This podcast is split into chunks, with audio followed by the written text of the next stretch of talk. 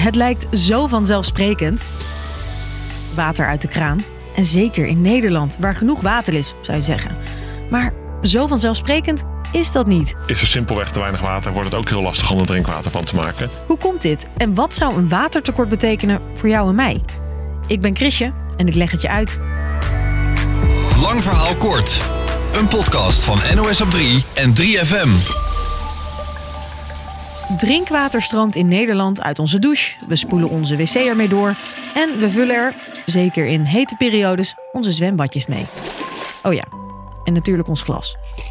Maar waar komt al dat water nu eigenlijk vandaan? Het meeste wordt uit de grond in de buurt gepompt. Maar meer dan een derde van het drinkwater wordt uit de rivieren gehaald. De twee belangrijkste rivieren dat zijn de Rijn en de Maas. En dat zijn ook meteen de belangrijkste rivieren voor het aanleveren van drinkwater in Nederland. Je hoort hydroloog Nico Wanders. Die weet dus alles van water. Ja, de Maas eh, is natuurlijk een van de twee grote rivieren die ons land binnenstroomt. En uh, zorgt voor grote delen van Zuid-Nederland, met name Limburg, Brabant, maar ook een delen van het westen, uh, voor de aanvoer van drinkwater. Dus daar wordt best wel veel water uit gehaald. Die rivieren komen steeds lager te staan. En dat is een probleem, zegt Wanders. Dat uh, levert zorgen op voor zowel de waterkwaliteit uh, als de waterhoeveelheid. Uh, als de kwaliteit te slecht is, kun je er geen drinkwater van maken. Is er simpelweg te weinig water, wordt het ook heel lastig om er drinkwater van te maken. Die lagere waterstand komt vaker voor door klimaatverandering. Hoe meer de aarde opwarmt, hoe meer water uit de rivieren verdampt. En er komt minder water de rivieren in. Dat heeft te maken met de extremere weersomstandigheden, waardoor er vaker voor een langere tijd geen regen valt. Met dus mogelijk watertekorten tot gevolg. Zeker in die zomers, juist wanneer we ook veel meer water nodig hebben in ons land.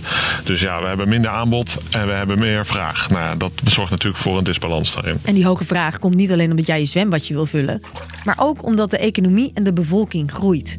Onderzoekers waarschuwen voor een watertekort voor bijna 4 miljoen Nederlanders in toekomstige zomermaanden, als er te weinig water door de Maas stroomt. Dit jaar moest het grote drinkwaterbedrijf Vitens al vijf voedselproducenten drinkwateraanvragen weigeren. Kan het dan echt zover komen dat er straks geen water uit je kraan stroomt?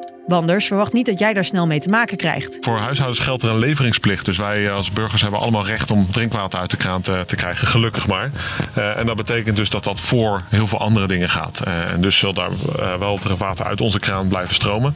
Maar Wanders zou er niet raar van opkijken als er een verbod komt op het gebruik van water in sommige gevallen. Dus denk dan bijvoorbeeld aan je auto wassen uh, midden op een hete zomerdag.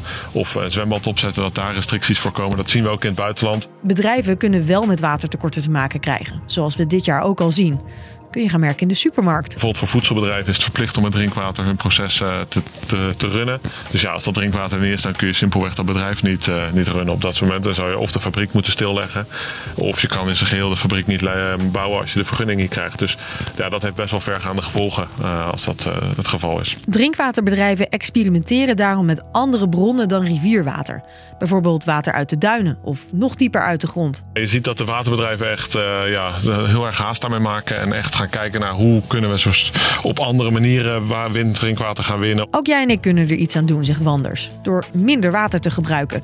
En dat doen we misschien wel als het duurder wordt. Je betaalt uh, rond de 2 euro voor 1000 liter uh, water. Nou, dat is natuurlijk helemaal niks. Uh, dus ja, dat, dat is ook iets waar, we, waar naar gekeken kan worden. En de politiek zou kunnen besluiten dat je dit niet meer met drinkwater doet. Waar je in België wel ziet dat bijvoorbeeld in nieuwbouwhuizen het, uh, verplicht is om dus je toilet door te spoelen met regenwater. Is dat in Nederland uh, niet aan de orde. Terwijl dat wel flink kan schelen. We gebruiken per persoon per dag ongeveer 130, 130 liter water. Uh, nou, daarvan gaan 30, 40 liter naar die wc.